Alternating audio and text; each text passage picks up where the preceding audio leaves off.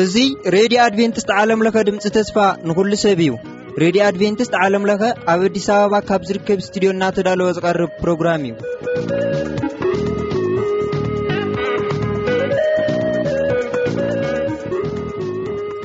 በብዘለኹም ምኸንኩም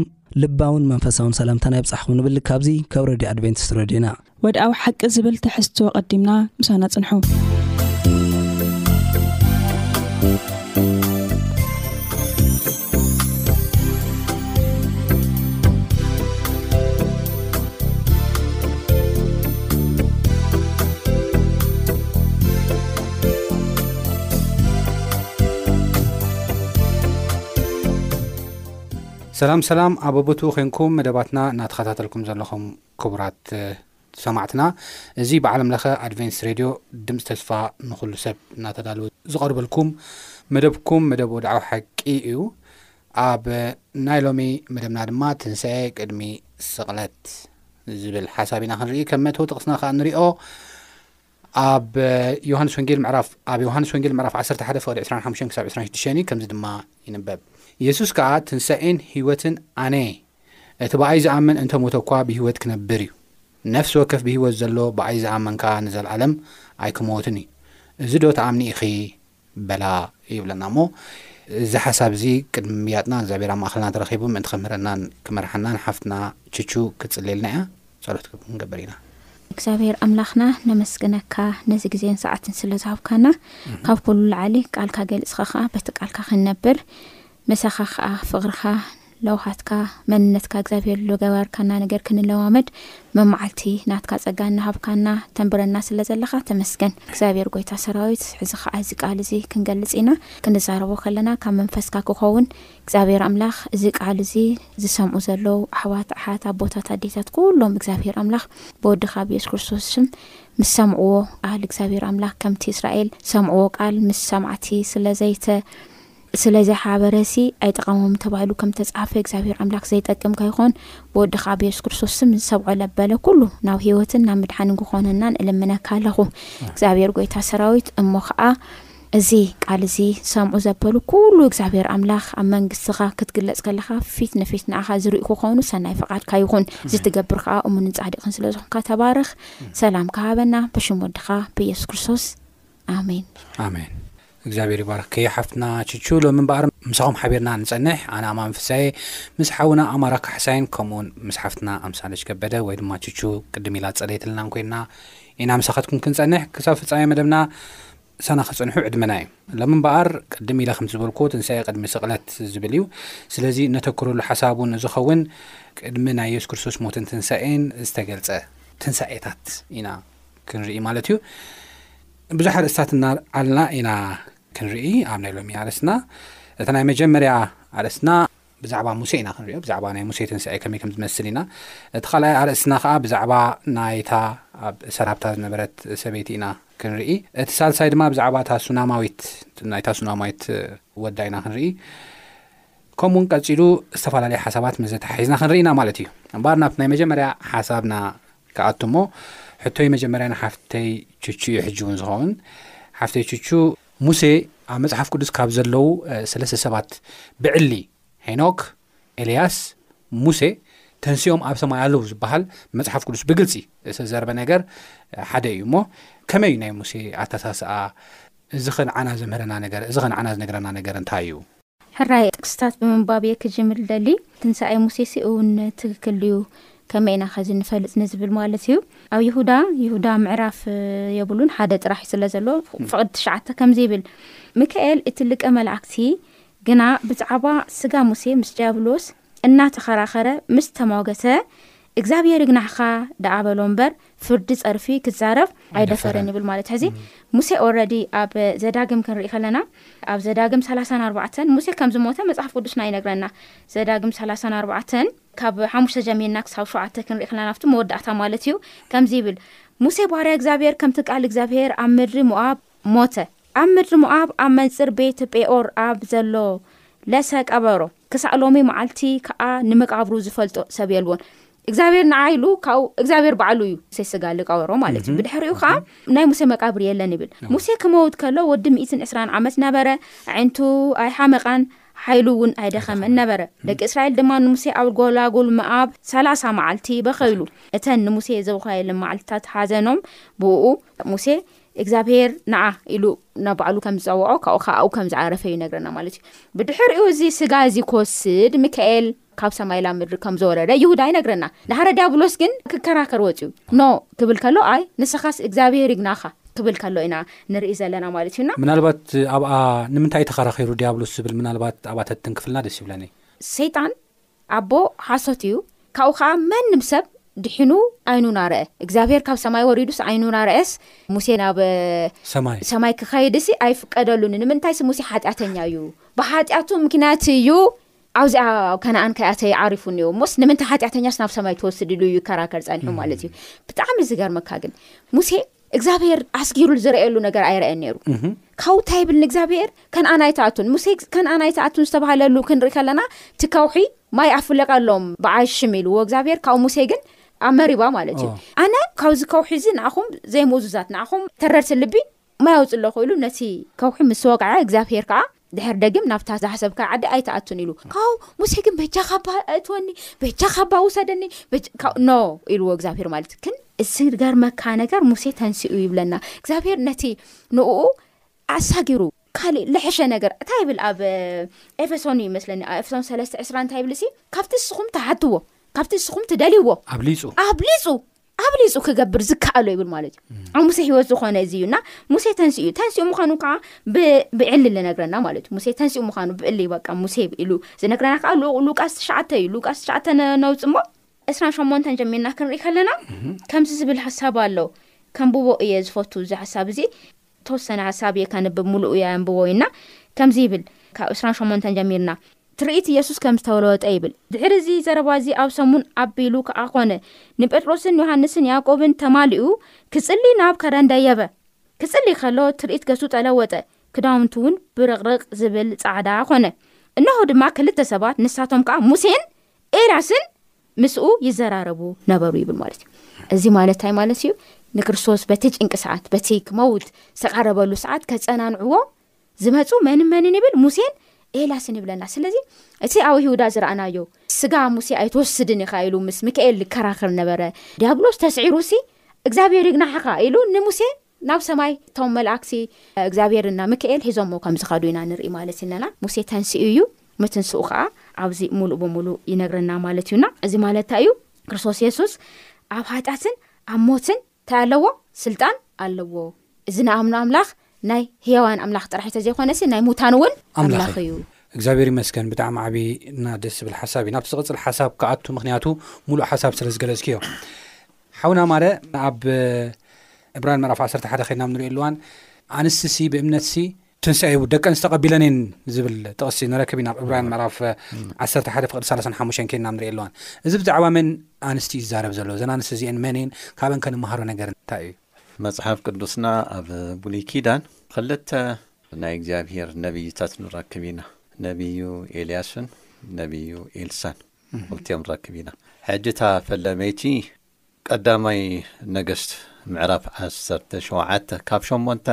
እሳብ ዕስራን ኣርባዕተን ዘሎ ታሪክ ክንሪኦ እንከለና ኣብ እስራኤል ንጉስ ኣክኣብ ኣብ ዝነበረሉ ግዜ ሰበይቱ ኤልዛቤል ናይ እግዚኣብሔር ህዝቢ ጻኦት ንኸምልኽ ዝገበሩ እና ካብ ናይ እግዚኣብሔር መንገዲ ብጻኦት ንኣመኑ ክሳይ ኣምላኽ ዝረስዕሉ ግዜ ነይሩ። ሓቀኛ ኣምላኽ ክስገደሉ ዝግባእ ዝነበረ ንሳቶም ግን ባዕላቶም ዝሰርሕዎ ንሱ ናምለኹ ኣብ ዝነበረሉ ግዜ ኣብ እስራኤል ኤልያስ ጸልዩ ነይሩ እና ማይ ኣዝመራ እውን የለን ድርቂ እውን ኮነ ካብኡ ኤልያስ ናብ መን ይኸይድ ናብ ሓንቲ ካብ እስራኤል ወጻኢት ዘላ ከተማ ይኸይድ እሞ ሰራብታ ትበሃል ኣዎ ሰራብታ ትበሃል ናብኣ ይኸይድ እዚ ታሪክ ዝጅምሮ ቀዳማይ ነገስት ዓሰርተ ሸውዓተ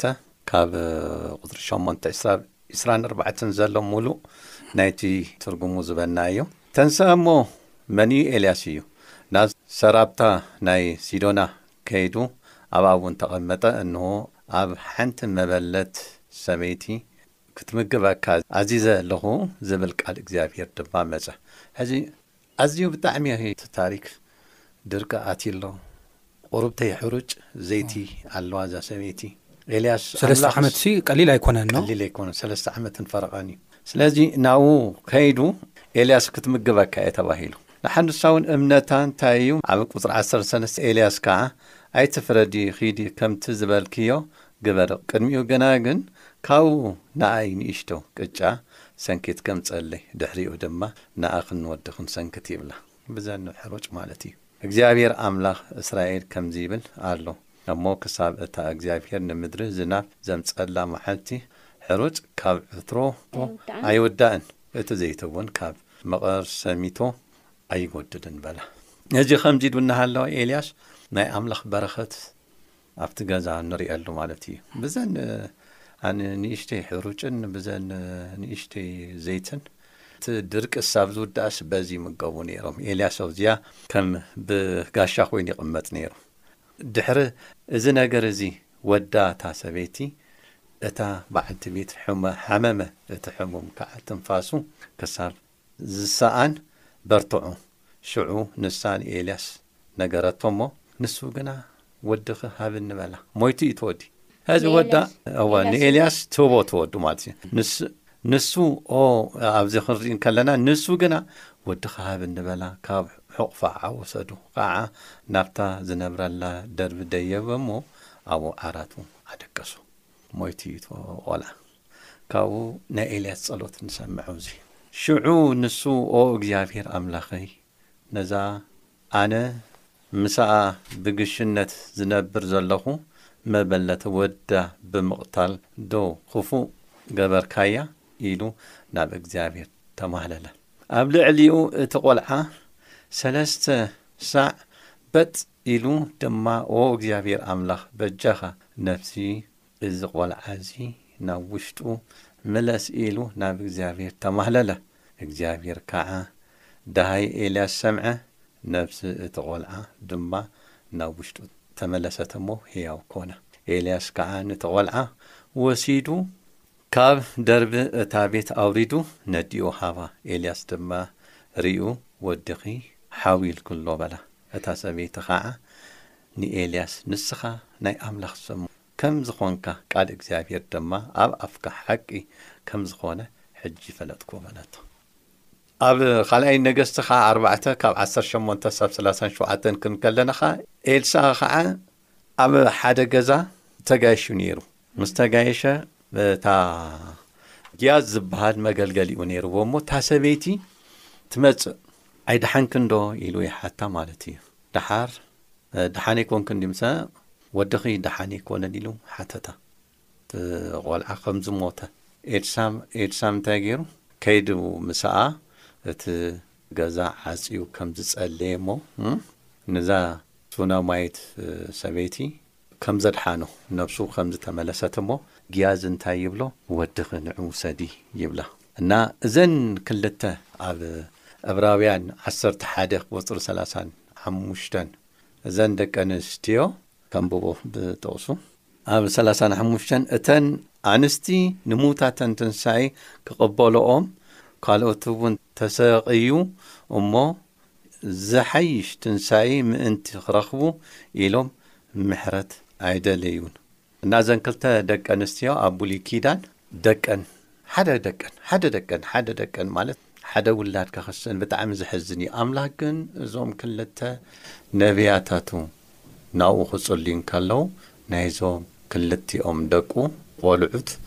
ካብ ሞት ከም ዝተንሰኡ እታ መበለት እንታይ ዝበለት ናይ እግዚኣብሄር ቃል ምሳኻ ከም ዘሎ ከም ዝኣመነት እዩ ዘርእየና። እግዚኣብሔር ይባርኽካ ሓውና ማረ ብጣዕሚ ደስ ዝብል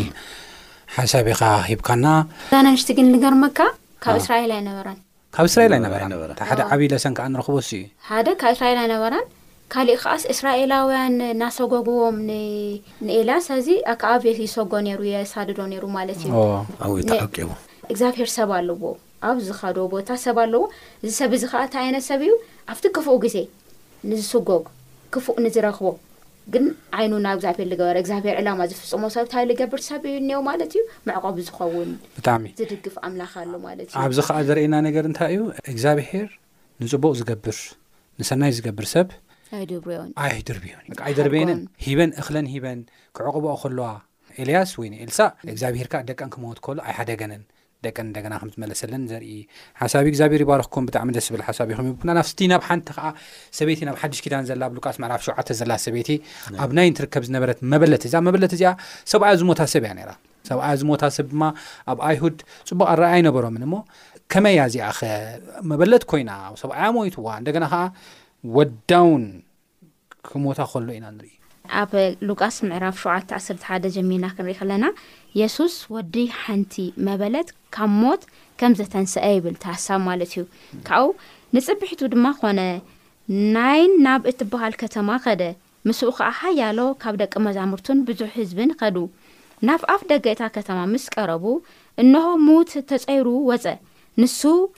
ነዲኡ ሓደ በይኑ ነበረ፣ ንሳ ኸኣ መበለት እያ፣ ብዙኃት ደቂ እታ ከተማ ከኣ ምስኣ ነበሩ። ጐይታ ምስ ረኣያ፣ ደንገጸላ እሞ፣ ኣይትብከዪ፣ በላ። ቀሪቡ ነቲ ቃሬዛ ተንከዮ፣ እቶም ጸወርቲውን ደው በሉ። ንሱ ኸኣ፣ ኣታ ጐበዝ፣ ተንሥእ፣ እብለካ ኣሎኹ፣ በሎ። እቲ ምዉት ተንሲኡ ተቐመጠ፣ ምዝራብውን ጀመረ። ነዲኡ ድማ ሃባ፣ ንኵሎም ፍርሃት ሓዞም፣ ዓብይ ነቢይ ተንሲኡልና ኣምላኽ ንህዝቡ በጽሐ እናበሉ ከኣ ንኣምላኽ ኣመስገንዎ። እዚ ወረ እዚ ድማ ብዛዕባኡ ኣብ ኩላ ይሁዳን ኣብ ጎቦታትን ተሰምዐ ይብል ማለት እዩ። እዚ ታሪኽ እዚ ዝነግረና ዘሎ ናይን ናብ ትብሃል ቦታ ክርስቶስ ከም ዝኸደ ኢና ንርኢ። እዚ ኣብዚ ቦታ እዚ ክርስቶስ የሱስ ብባህሪኡ ማለት እዩ ኣብ ገሊላ ኣብ ዝነበሮ ግዜ ሕሙማት ይፍውስ፣ ኣጋንንትን ዝነበሮም ይገንሕ ነይሩ። ተፈላለይ ጸገም ዘለዎ ሰብ ኩሉ እንታይ ይገብር ኣምላኽ እዩ ነይሩ ናይ ድኻታት ኣምላኽ እዩ ነይሩ እና ድኻታት ናብኡ ክቀርቡ ሲ ዋላ ንጉስ ናይ ሰማይ ምድሪ ከሎ ፈጣሪ ናይ ሰማይ ምድሪ ከሎ ትሒት ሉ መፅኡ ሲ ድኻታት ተፀገሙ ብዙሕ ነገር ሰብ ዘይቀርቦም ዝነበሩ ኩሎም ናብኡ ክቀርቡ ሲ ብጣዕሚ ይደልዩ ነይሮም በቃ ከምዚ ዓይነት ፍቕሪ ነይርዎ ክርስቶስ እና እዛ ሰብ እዚኣ ግን ብጣዕሚ ልገርመኩም ነገር ነዚ ወዲ እንታይ ኢልዎ ኣንታ ጎበዝ እንታይ ግበር ተልዓል ኢልዎ እዎ ዶ ካብኡ እዚ ወዲ ከዓ ህያው ኮይኑ ከም ዝተንስአ ንርኢ ማለት እዩና ሕዚ ኣብዚ ቦታ ንሪኦ ነገር እንታይ እዩ ኣብተና ሱናማይት ዝረኣናዮ ወዳ ሞይትዎ እዎ ዶ ካብኡ ንኤልያስ እንታይ ትብሎ ሓጢኣተይ ዘክርካሲ ወደይ ተጥፍእለይ ዲኻ መጺኻ ኢላ ትሓቶ ከላ ኢና ንርኢ። ዝኾነ ነገር ግበር ትብሎ ከላ ኢና ንርኢ። ድሕሪኡ እንታይ ገይርዋ ነቲ ወዲ ናብ ህይወት ከም ዝመልሶ ኢና ንርኢ። ናይ ኤልያስ ዝነበረ ናይ ሰራብታ ዝነበረት መበለት ማለት እዩ። ኣብዚ ናይ ኤልሳዕ መጺእና ከኣ ክንርኢ ከለና እታ ሱናማይት ሰበይቲ ወዳ ምስ ሞተ መጀመርያ ጸልያ እየ ጸልዩ እዩ እዚ ወዳ ሂብዋ እኮ መጀመርያ ቆልዓ ኣይነበራን እግዚኣብሄር ዝሃባ ቆልዓ እንደገና ከኣ ተመልሱ ምስ ዓረፈ እንታይ ክገብር ከሎ ኢና ንርኢ ባዕላ ካይዳ ወዳስ ኣብ ዓራት ኣብቲ ናቱ ኣብ ኤልሳእ ዓራት ጌራ ባዕላ ናብ ኤልሳእ ካይዳ ንዓ ረዲኤትካ ይደሊ ገለ ኢላ ካብኡ ድሓር ኤልሳእ ጸልዩ ነቲ ሕዚ ክልቲኤን እዚኤን ዋላ ካብ እስራኤል ኣይኮናን ኣንቶ ከምቲ ዝበልናዮ ግን ሓቲተን እየን መልሲ ረኺበን ኣብዚ እዚ ቦታ ከኣ ክንርኢ ከለና ኣብዚ ናይን ኣብ ዝበሃል ቦታ ግን ክርስቶስ እዛ ሰብ እዚኣ ክትሓቶ ተሓታ ከሎ ኣይንርኢ ኣይታ ኣይሓተተቶን ግን ክርስቶስ እንታይ ገይሩ ነቲ ጸገማ ርእዩ እንታይ ከም ዝገበራ ንርኢ ኣይትብከይ ኣይትብከይ ከም ዝበላ ንርኢ ማለት ኣይትብከይ በላ ቀሪቡ ከዓ ኣንታ ጎበዝ ተንስ ኢሉ ምስ ተንስእ ከዓ ነቲ ቆልዓ ኣብኢዳ ከም ዝሃበ ኢና ንርኢ ማለት እዩና እዚ እንታይ እዩ ዝርእየና ማለት እዩ እቱ ረድኤት ንዝደልዩ እውን እግዚኣብሄር እንታይ ይገብር ንዝሓተት እውን እንታይ ይገብር ኣምላኽ ይህብ እዩ ከይሓተትካ ከለካ ዋላ ግን ፀገሙ ርእዩ ጸገም ሪኡ ስቕ ኢሉ ዝሓልፍ ኣምላኽ ኣይኮነን እዚ እዩ ንርኢ ካብ ኣምላኽና ባህሪ እና ኣምላኽ ተፀገምካ ንሓተትካዮ በጃኻ ርድኣኒ ኢልካ ይረድኣካ እዩ ከይሓተትካ ዋላ ሓዘንካ ተሸክም ከላ ከድካ ስዋ ልባ ተሰይርዋ ዝኣ ድኣ ንዒ ድሓን እባ ኢሉ ከምዳ ድሓና ኢና ንርኢ ኣለና እና ኣብ ብሉይ ክዳን እዚ ለ ቅድሚ መስቀል እዩ ቅድሚ ክርስቶስ የሱስ ስቅለት እዩ እዚ ኩሉ ይኮን ኣለውና እዚ እውን ዘርእየና ትንሳኤስ ሙታን ከም ዝነበረ እዩ ማለት እዩ ጎይታ ይባርኽኪ ሓፍትና ጁጁ ብጣዕሚ ደስ ዝብል ሓሳብ ጌርኪ ኢኺ ገሊጽክልና ሕራይ እምበኣር ናብ ኣማረ ሕቶ ክምለስ እሞ ሓውና ኣማረ ቀጺልና ንሪኦ ሓደ ብዙሕ ግዜ ዝዝረበሉ ናይቲ ሙኩራብ እንብሎ ወይ ድማ ናይቲ ማሕበሮም ናይቲ ቤተክርስትያኖም ዝእከብሉ ዝነበሩ ሓላፊ ዝነበረ ዓቢ ሰብ ጓሉ ከም ዝሞተቶ ኢና ንርኢ እሞ ከመይ ነይሩ እቲ ህሞት ናይ ኢያኢሮስ ካብ ኢያኢሮስ ንመሃሮ ነገር ናይ ኢየሱስ ክርስቶስ ምላሽ ከ ካብዚ ንመሃሮ ነገራት እንታይ ኣሎ ኣብዚ ሓሳብ እዚ እዚ ያይሮስ ዝበሃል ናይ ቤት ጸሎት ናይ ምኩራብ ሓላፊ ዝነበረ እምነቱ ይገርመኒ ኣነ ዝገርመኒ እንታይ ኣይሁድ እዩ ከምቲ ቃል እግዚኣብሔር ዝብሎ ጎይታና የሱስ ክርስቶስ ናብቶም ናተይ ዝብሎም ሰብ ከይዱ ግን ኣይተቐበልዎን ነይሮም። እዚ ሰብኣይ ግን ፍልይ ብዝበለ መንገዲ ጓሉ ምስ ሓመሞቶ እንታይ ዝብን ቁፅሪ ኣብ ማርቆስ ሓሙሽተ ዘሎ ቁፅሪ ዕስራን ክልተን ካብ መራሕቲ ቤት ጸሎት ሓደ ኢያኢሮስ ዝስሙ መጸ ምስ ረኣዮ ኸዓ ኣብ እግሩ ወደቐ። ኣብ እግሪ ጎይታና የሱስ ክርስቶስ ወደቐ። ትሑት ሰብ እዩ ነይሩ። ከም ሓላፊ እኳ ኣክት ዝገብር ሰብ ኣይነበረ። ካብኡ ትሕትንኡ ናይ ብሓቂ ጎይታን የሱስ ክርስቶስ መምህር እንድዩ ሊቀ እውን እዩ ኣቦ እውን እዩ ብዙሕ ተኣምራት ዝገብር እዩ ትኽክለኛ መምህር ንሱ እዩ ነይሩ እና እዚ ስለ ዝርድኦ ዝነበረ ይኽእል እዩ እዚ ብሓቂ ወዲ እግዚኣብሄር እዩ ኢሉ ካብ ዝኣምን ሓደ እዩ ምኽንያቱም እንታይ እዩ ኣብ እግሩ ከዓ ወደቐ ጓለይ ክትመውት ኢላ ኣላ እሞ ምእንቲ ክትፍወስ ክትሓውንሲ መጺኻ ኢድካ ኣንብረላ ኢሉ ኣጽኒዑ ለመኖ ዝኾነ ታሪክ ዝረኣዮ ዝሰምዖ ነገር ስለ ዘሎ እዩ እስኻ ኢድካ ተጽዒንካላ እስኻ መጺኻ ምእንቲ ክትፍወስን ክትሓውልሲ መጺኻ ኢድካ ኣንብረላ ኢሉ ኣጽኒዑሎምዎሎ። ካብኡ ኣብዚ ብዙሕ ሰብ ተኣኪቡ እዩ ነይሩ። ጎይታና የሱስ ክርስቶስ እናገልገለ እዩ ነይሩ። ምክንያቱም ካብ ዓሰርተ ክልተ ዓመት ጀሚሩ ደም ዝፈሳ ሰበይቲ ኣላ ኣብዚ ብዙሓት ኣይሁዳውያን ኣለዉ። ካብኡ ግን ቁፅሪ ሰላሳን ሽዱሽተን እንታይ ይብሎ? ሰላሳን ሽዱሽተን የሱስ ከዓ እዚ ዘረባ እዚ ክዛረቦ ምስ ሰምዐ ነቲ መራሒ ቤት ጸሎት ንያየሮስ ማለት እዩ ኣይትፍራሕ ብዙሓት ጓልካ ሞይታ እያ ምስ በልዎ ማለት እዩ ዋ ስለዚ እቲኦም ንዚ መምህር እዚ ኣይተድክሞ ኣይተጨነቁ ጓልካ ኮ ሞይታ እያ ኦሮማ የብቂዓ እያ ኣብ ዝተብሃለሉ ግዜ እዩ ነይሩ እና ካብኡ ጎይታ ናይ ክርስቶስ እንተ ብዘይ ጴጥሮስን ያቆብን ዮሃንስን ሓው ያቆብን ሓደ እኳ ክስዕቡ ኣይፈቐደን ናብቲ ገዛ ከይዶማት ናብ ገዛ እቲ መራሕቲ ቤት ጸሎት ከኣ ኣተዉ ጫውጫው ዝብሉ ዝበኽዩ ብዙሓት ዋይዋይ ዝብሉ ነይሮም ኣትዩ እዛ ቆልዓ ደቂሳ ኣላ እምበር ኣይሞተትን ስለምንታይ ጫውጫው ትብሉ ትበኽዩ ኣለኹም በሎም ሰሓቑ ሰሓቑዎ ድማ ንሱ ግና ንኹሎም ኣውጺኡ ኣብ ቦታ ቁልዑ ቆልዓ ኣዲኣን እቶም ምስኡ ዘለዉ ሒዙ ናብታ ቤት ኣተወ ኢድ እታ ቆልዓ ሒዙ ኸኣ ጣሊታ ጣሊታይ ኢሉ ቁሚ በላ። ኣንቲ ጓል ተንስኢ እብለኪ ኣለኹ እዩ በላ። እታ ጓል ድማ ብኡንብኡ ተንስኣት። ዓሰርተ ክልተ ዓመት ገይራ ነበረት እሞ ተዛወረት። ሽዑ ዓብዪ ግራሞት ተገረሙ። ዝብላዕ ክወሃባ ኸዓ ነገርዎ። እና እዚ ታሪክ እዚ መቸም ሚራክል እዩ ታሪኪ እዚ ብጣዕሚ ዘደንቅ ነገር እዩ ሞይታ ተባሂላ ዝነበረት ቆልዓ ጎይታና የሱስ ክርስቶስ መጽዩ ከሕውያ እንከሎ ንርኢ ኢና። እዚ እንታይ እዩ ዘርእየና ክርስቶስ ኣነ ትንሳኤ ህይወትን እየ ይብል ብኣይ ዝኣምን ኩሉ ህይወት ከም ዝኾነሉ ትንሳኤ ከም ዝኾነሉ ይነግረና እና ዘደንቅ ነገር እቲ ጎይታና የሱስ ሞት ከም ድቃስ ሞት ከም ድቃስ እዩ ደቂሳ እምበር ኣይሞተትን እዩ ዝብል ስለዚ እዚ ታሪክ እዚ ዋላ እዚ ያይሮስ ዝባሃል ናይ ኣይሁድ ናይ ሙኩራብ ሓላፊ ገዝኡ ጓሉ ምስ ተልዓትሉ ከመይ ዓይነት ሓጎስ ከም ዝነበረ ንርኢ ስለዚ ጎይታና የሱስ ክርስቶስ ንቡዙሓት ንቡዙሓት ፈውስን ካብ ሞት ከይተረፈ እኳ ዘልዕል ዝነበረ እዩ እና ኣይትፍራሕ ሕዚ እውን ክንፈርሕ የብልናን ክንኣምን ይግበአና እምነት ንዚ ሰብኣይ እዚ ኣማናይ ንክኸውን ሕዚ እውን ብክርስቶስ ኢየሱስ ክንኣምን ከለና ብክርስቶስ ኢየሱስ ኣሚኖም ዝደቀሱ ክርስቶስ ሓደ መዓልቲ መፅኡ ሙታን ድምፂ ዝሰምዕሉ ግዜ ክመፅእ እዩ። ተንስኡ ክበሃል እንከሎ ብኡ ዝኣመኑ ኩሎም ናይ ዘለኣለም ህይወት ወረስቲ ምዃኖም የርእና። ክርስቶስ ኣብ ሞት እውን ስልጣን ከም ዘለዎ ኣሜን የርእየና። ኣሜን እግዚኣብሔር ይባርኽካ። ምናልባት ሰዓትና ተወዲኡ እዩ ግን ብዘላትና ቁርብ ደቃይቅ ኣፍናችቹ መእተዊ ጥቕስና ዘንበብናዮ ብዛዕባ ኣልኣዛር ዝተዘራርብናዮ ነገር ኣሎ ኣብ ዮሃንስ ወንጌል ምዕራፍ 11 ዘሎ ሓሳብ ማለት እዩ ሞ ኣልኣዛር ሞይቱ እዩ ንብዙሓት ድማ ናይ ሓዘን ምክንያት ናይ ጓሂ ምክንያት ኢብን የሱስ ክርስቶስ ዝበኸየሉ ኩነት እዩ ነይሩ እሞ ከመይ ነይሩ ናይ ኣልኣዛር ካብ ናይ ኣልኣዛር ሞትን ትንሳኤን ከ እንታይ ኢና ንምሃር ምዕራፍ ዓሰርተ ሓደ ሓደ ከንብብ ኣብ ቢታንያ ኣብ ዓዲ ማርያምን ማርታን ማርታ ሓፍታን ኣልኣዘር ዝስሙ ሕሙም ሰብኣይ ነበረ ይብለና ማርያም እታ ንጎይታ ቅዱይ ቅብእ ዝለኸየቶ፣ ጸጉሪ ርእሳ ውን ኣእጋሩ ዝደረዘቶ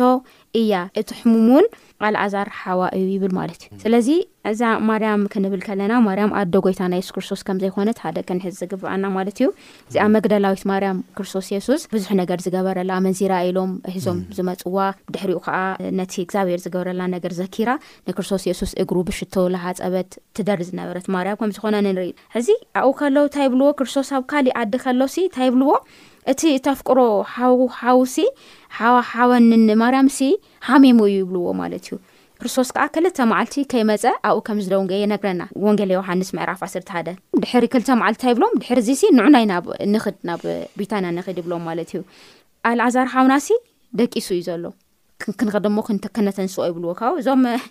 ደቂ መዛሙርቲ ከዓ ሳይ ደቂሱ እንተልዩስ ፀገም የለን ሃምዚ ደቂሱ ከም ዝኾነ ዳሓረ የሱስ ከዓ ኣላዛር ከም ዝሞተ ፈሊጡ ኣሎ እዩ እንደኦም ካይዶ ኣብ ቢታንያ ምስካደ ግን ዋ ሞይቱ እዩ ካብ ድመውት ክንደይ መዓልቲ ገይሩ ኣርባዕተ መዓልቲ ስለዚ ጨይኑ እዩ ነዚስ ምንም ትገብሮ ኣይትኽእልን ገለ ትብል ማርታ ክትቀባበሎ ከም ዘውጸት ኢና ንርኢ ክርስቶስ መጺኡ ምስ ሰምዐት ካብቲ ሓዘን ተንሲኣ ላጎየት ካይዳ ጎይታ ንስኻ ተትህሉ ኔርካሲ ሓወይ ኣይምሞተን ትብል ክርስቶስ ከኣ ሕዚ ውን እግዚኣብሄር ይከኣሎ እዩ ኢሉ ክምልሰላ ከሎ ኢና ንርኢ ኣብዚ ሓደ ዋና ነገር ክንወስዶ ዘለና ነገር እንታይ እዩ ኣልኣዛር ሞይቱ እዩ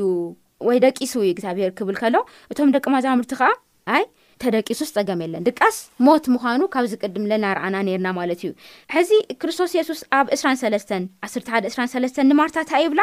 የሱስ ድማ ሓውኪ ክትንስእ እዩ በላ ማርታ ድማ በታ ዳሕራዊት መዓልቲ ብትንሳኤ ከም ዝትንስእ እፈልጥ ኣለኹ በለቶ ብዝሓለፈ እውን ንርኢ ጸኒሕና ትንሳኤ ሙታን ከም ዘሎ ኣብ ብሉይ ኪዳን ዝነበሩ ሰባት እንታይ ይገብሩ ነይሮም ይኣምኑ ነይሮም ማለት እዩ እዛ ሰብ እዚኣ እዚ ምስ በለት ድሕሪኡ ክርስቶስ እንታይ ይብል ኣይ ኢየሱስ ከዓ እንታይ ኢልዋ እንተ ኣሚንኪ ይብል እንተ ኣሚንኪ ይብላ ኣብ ኣርብዓ ብ ዓሰርተ ሓደ ፈቐደ ኣርብዓ ታይ ይብላ የሱስ እንተ ኣምኒሲ ክብሪ ኣምላኽ ምርኣይ ዶ ኣይበልኩክን በላ ይብል ማለት እዩ ካብኡ የሱስ ክኣ ትንሳኤ ህይወት ኣነ እየ እቲ ብኣይ ዝኣምን እንተ ሞተ እኳ ብህይወት ክነብር እዩ ትንሳኤን ህይወትን ኣነ እየ እቲ ብኣይ ዝመውት እንተ ሞተ እንኳ እንታይ ይገብር ብህይወት ክነብር እዩ እቲ ብኣይ ዝኣምን ክመውት እዩ ግን እንታይ እኒኦዎ ክልተ ነገር እዩ ክርስቶስ ኣብዚ ቦታ ዝዛረብ ዘሎ እቲ ዝኣ- ዝኣመነኒስ እንታይ ይገብር እዩ ይሞት እዩ ከም ማንኛውም ሰብ ልክዕ ርኢና ኮ ዝሞቱ ሰባት ርኢና ዋዶ ግን ኣብቲ ዳሃራዊ መዓልቲ ክርስቶስ ዮሱስ እንታይ ይገብር እዩ ከተንሰኦ እዩ ስለዚ ኣብ ክርስትና እቲ ዋና ኣብ ክርስትና እቲ ዋና ጳውሎስ እውን እንታይ ይብል ትንሳኤ ሙታ እንተዘህልው ነይሩ ሲ እቲ ተስፋና ኩሉስ ከንቱ ምኾነ ነይሩ ኣብ ክርስቶስ ንኣምን ከለና እቲ ናይ መወዳእታ ቤትና ቤት እግዚኣብሄር እዩ እቲ ቤት እግዚኣብሄር ከዓ ብህይወት ከለው ንክርስቶስ ንዝርእዩ ይኹኑ ሞይቶም ብኡኡ ኣሚኖም ንዝሞቱ ይኹኑ ዝተዳለወ ገዛ እዩ ማለት እዩ ስለዚ ኩላትና እንታይ ክንገብር ኢና ናብቲ ቤትሱ ክንካይድ ኢና እዚ ክንካይድ ከለና ግን እግዚኣብሔር ዝሃበን ዓብዪ ተስፋ እቶም ነፍቅሮም እቶም ብጣዕሚ ንደልዮም ሎሚ ምሳና ዘየለው ሰባት ብክርስቶስ የሱስ እንተደቂሶም እንታይ ልገብሩ እዮም ትንሳኤ ክረኽቡ እዮም፣ እቲ ትንሳኤ ኸኣ ናይ ዘለኣለም ትንሳኤ፣ ንዳሕረዋይ ሞት ናብ ዘይብሉ ትንሳኤ እዮም ዝትንስኡ ዝብል እዩ ዝጥቕልለና እዚ ሓሳብ እዚ ማለት እዩ። እግዚኣብሔር ይባርኽኩም ብጣዕሚ ደስ ዝብል ሓሳብ እዩ ነይርና እሞ ዝተባረኸ ተስፋና እናተጸበና ክንነብር ጸግኡ የብዝሓልና እናበልና ንዘለኩም ሕቶ ወይ ርእይቶ በቲ ልሙድ ኣድራሻና ናብ ዓለም ለኸ ኣድቬንስ ሬድዮ ድምፅ ተስፋ ንኹሉ ሰብ ቁፅሪ ሳጹን ፖስታን ኣሚትን ኣርባዕን ሓሙሽተን ኣዲስ ኣበባ ኢትዮጵያ ወይ ድማ ብቁፅሪ ስልክና ዜሮ ትሽዓተ ዜሮ ሓደ ተስዓን ኣርባዕተን ሰብዓ ተስዓን ሽዱሽተን ከምኡውን ብ ዜሮ ትሽዓተ ዕስራን ሓደን ሰማንያን ሸሞንተን ኣርብዓን ትሽዓተን ዓሰርተ ክልተ ወይ ድማ ብናይ ኢመይል ኣድራሻና tig ሶንግ ኣት ጂሜል ዶት ኮም ክትልኹልና እናዘኻኸርና ኣብ ዝቐፅል ብካልእ ክሳብ ንራኸብ ሰላም ኩኑ